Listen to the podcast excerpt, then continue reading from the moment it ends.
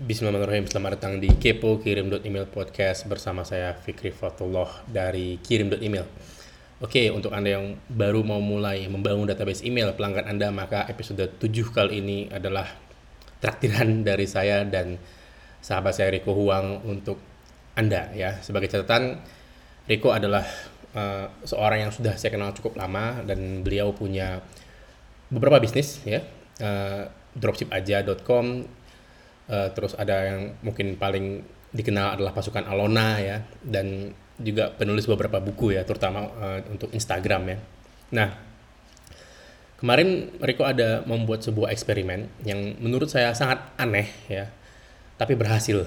Jadi kalau prinsipnya kalau dia aneh tapi dia berhasil maka mungkin bisa kita tiru ya ada sesuatu yang yang bisa kita pelajari di sana. Nah uh, itulah yang akan kita bahas di episode kali ini ya uh, cara anehnya Riko jadi mungkin kalau Anda sudah uh, pernah ketemu dengan orangnya, Anda pernah ketemu Riko dan Anda udah kenal cukup lama sama beliau sebenarnya yang yang dia lakukan ini tidak aneh.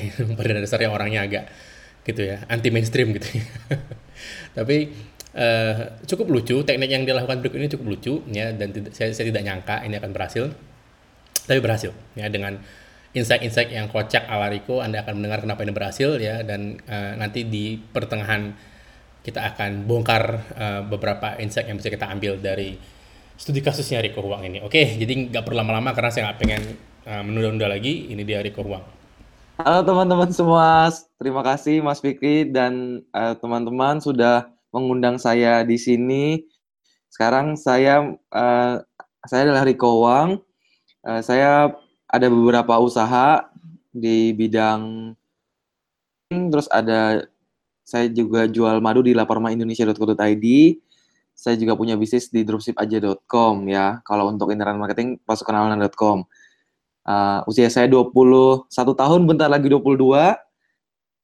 Saya diundang Mas Fikri untuk sharing tentang uh, gimana caranya dapat 30 list kurang dalam satu minggu ya.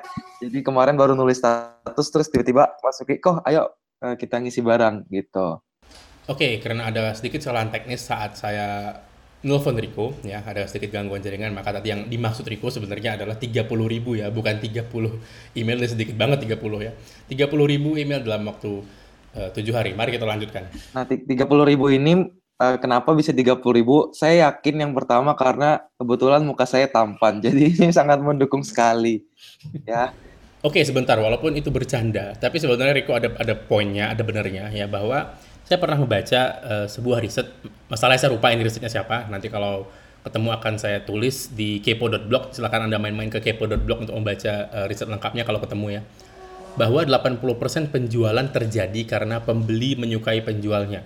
Saya ulangi 80% penjualan terjadi karena pembeli menyukai penjualnya bukan karena mungkin produknya bagus atau mungkin dia punya masalah yang butuh solusi ya itu mungkin nomor nomor dua kali ya tapi uh, bisa closing terjadi penjualan gitu ya bisa menutup penjualan itu kebanyakan karena kita sebagai penjual sudah disukai sama sama pembelinya jadi walaupun Riko menyampaikannya dengan sangat bercanda itu sebenarnya sebuah uh, apa ya poin yang bagus sekali yang harus anda garis bawahi bahwa uh, ya mungkin kalau anda sudah kenal Riko cukup lama, anda tahu dia orang yang menyenangkan ya. Ya saya sudah sudah, meneng, sudah mengenal pribadinya Riko cukup lama. Dia orang yang menyenangkan, rendah hati dan setiap ke Bandung selalu singgah di rumah saya. Jadi model itu seperti itu gitu. Orangnya enak diajakin ngobrol gitu ya, diajakin kolaborasi itu uh, ke rekaman podcast ayo langsung nah dia orangnya enak dan ringan tangan lah gampang membantu artinya gitu ya. Jadi uh, kualitas inilah yang membentuk Riko menjadi orang yang apa ya disenangi banyak orang makanya mungkin followernya gede banyak ya.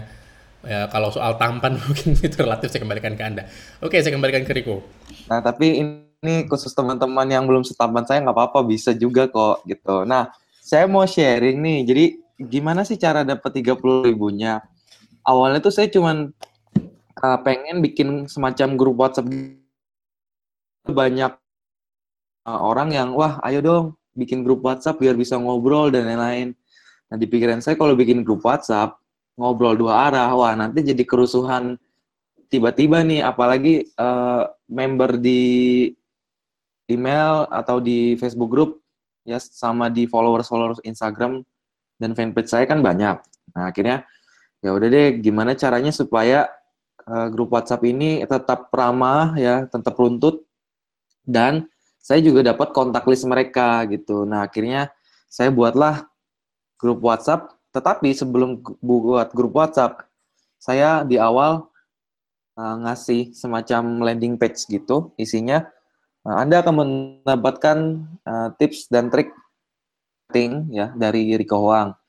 Kemudian nanti ketika Anda sudah masuk ke grup WhatsApp, Anda tidak boleh ngobrol dan silakan masukkan nama, uh, nomor WhatsApp, ya. Nah, dalam kurang dari seminggu, saya dapatlah uh, sekitar 30 ribu kontak WhatsApp dan sama 30 ribu list email juga gitu. Jadi berbarengan.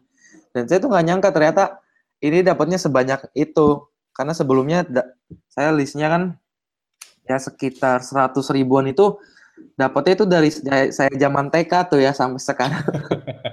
Pokoknya dari awal mulai email marketing susah banget perasaan. Kok nih 30 ribu cepet banget gitu. Ternyata orang tuh lebih tertarik dengan itu. Jadi semacam net saya nih, grup WhatsApp saya ini oke okay banget bagi mereka. Akhirnya mereka masuk semacam ke grup WhatsApp. Tapi uh, ternyata salahnya saya uh, di grup WhatsApp itu apa kurang kurang ngasih informasi ngelampirin kalau mereka harus save nomor saya gitu. Jadi ada banyak orang yang nggak save nomor saya ya ketika dimasukin ke grup kan ada semacam tombol report spam ya.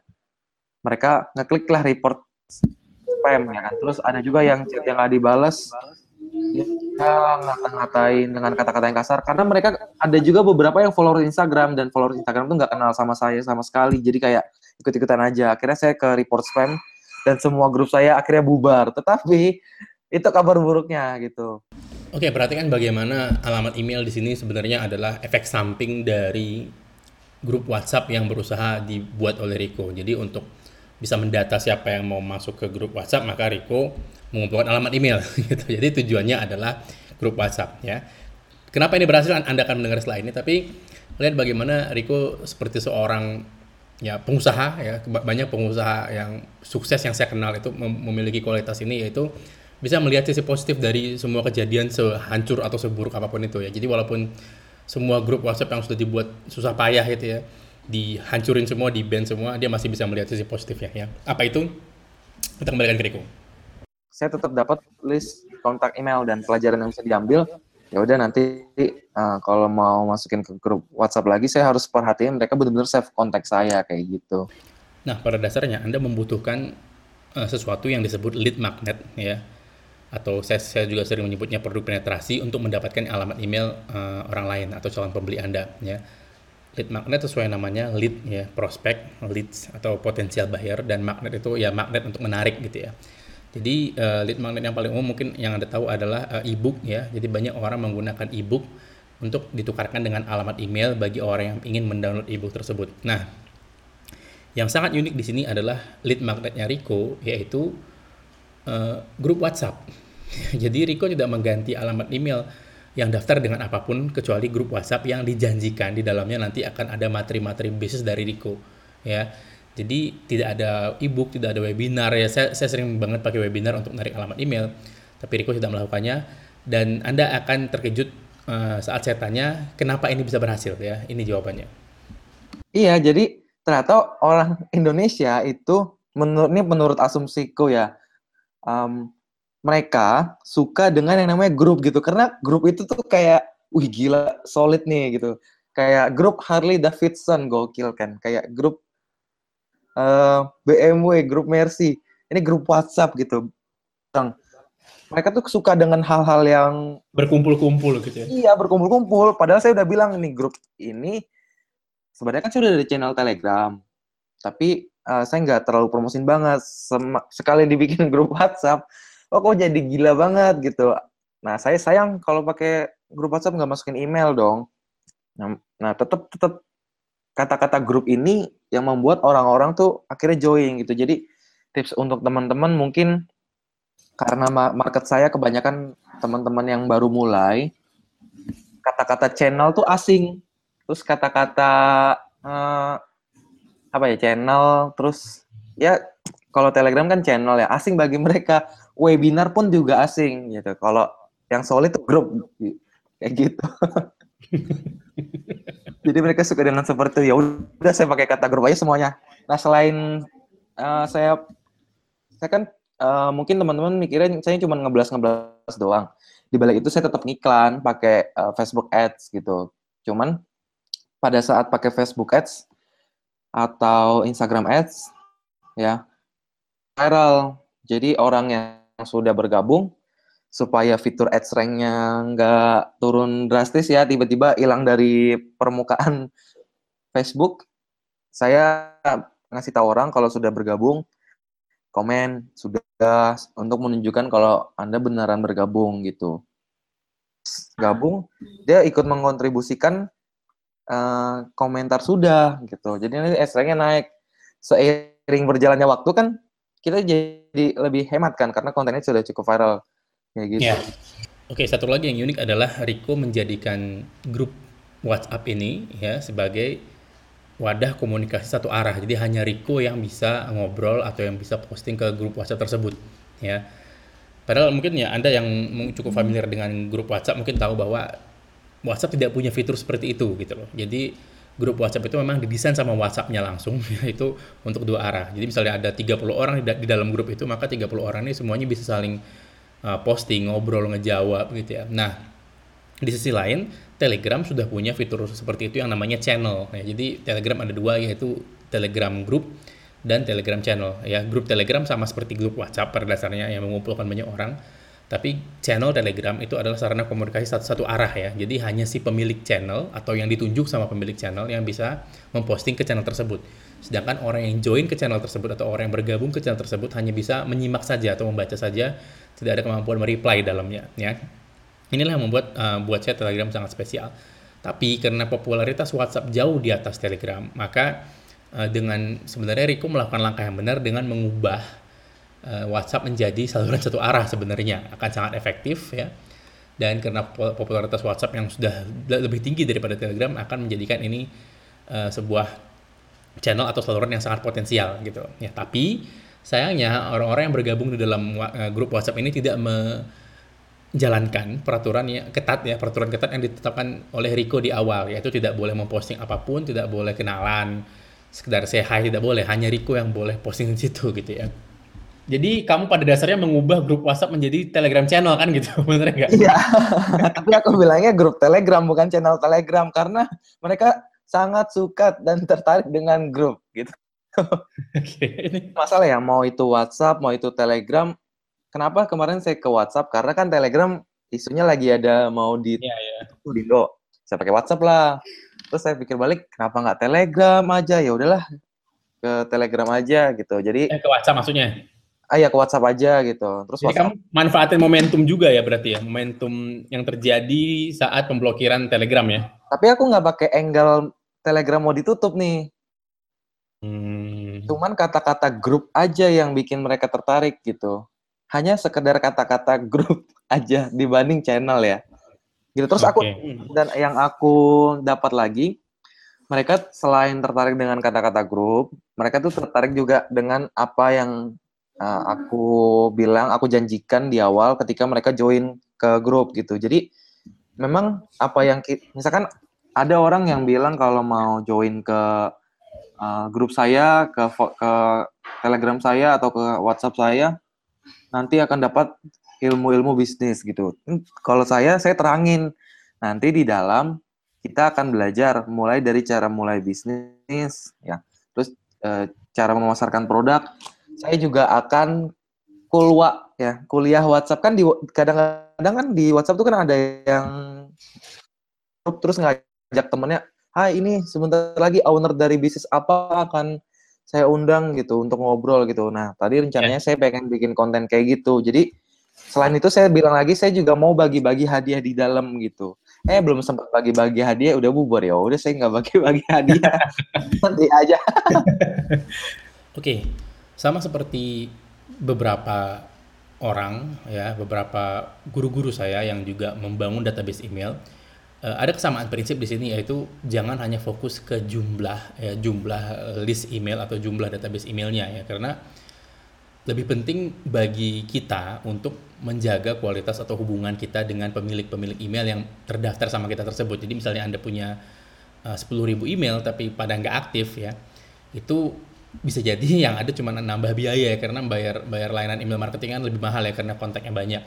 Tapi kalau Anda punya 1000 dan itu aktif artinya Anda bagus hubungannya sama list Anda, maka itu akan uh, menghasilkan lebih baik mungkin daripada 10.000 tadi ya. Riko juga punya opini yang sama di sini. Bagiku gini, lead, uh, sebuah lead marketing cukup memang ininya terlintas uh, ketika aja, tapi menurut kulis yang banyak itu nggak menentukan order yang banyak juga ya. Maksudnya gimana? Jadi buat teman-teman nih yang baru mulai ke uh, apa list building, bangun email database ya yang penting sih itu jaga hubungan sama si konsumennya. Contohnya kayak saya mungkin edukasi saya kurang sama konsumen, terus ketika WhatsApp itu dibubarkan tuh banyak yang sedih, mungkin ada yang nangis, jangan sampai ada yang bunuh diri sih. tapi, tapi banyak yang sedih gitu. Nah akhirnya saya jaga hubungan, saya, saya punya tim untuk balasin email satu-satu di saya ya. Wow. Satu-satu dibalesin sama fanpage saya juga ada satu-satu. Itu ada yang balesin satu orang standby gitu. Dan gak penting uh, berapa banyak listnya. Kenapa? Contohnya gini, misalkan Anda misalkan Anda sebuah seorang pengusaha properti ya kan. Terus Anda buat lead magnet uh, dapatkan tips-tips investasi dalam properti gitu. Ya intinya misalkan Anda developer gitu. Nah, terus tiba-tiba ada sekitar 1000 list email yang Anda dapatkan persennya adalah investor ya, yang punya tanah misalkan minimal nilai valuasinya sekitar 10 miliar. Berarti kalau ada lima orang 50 miliar.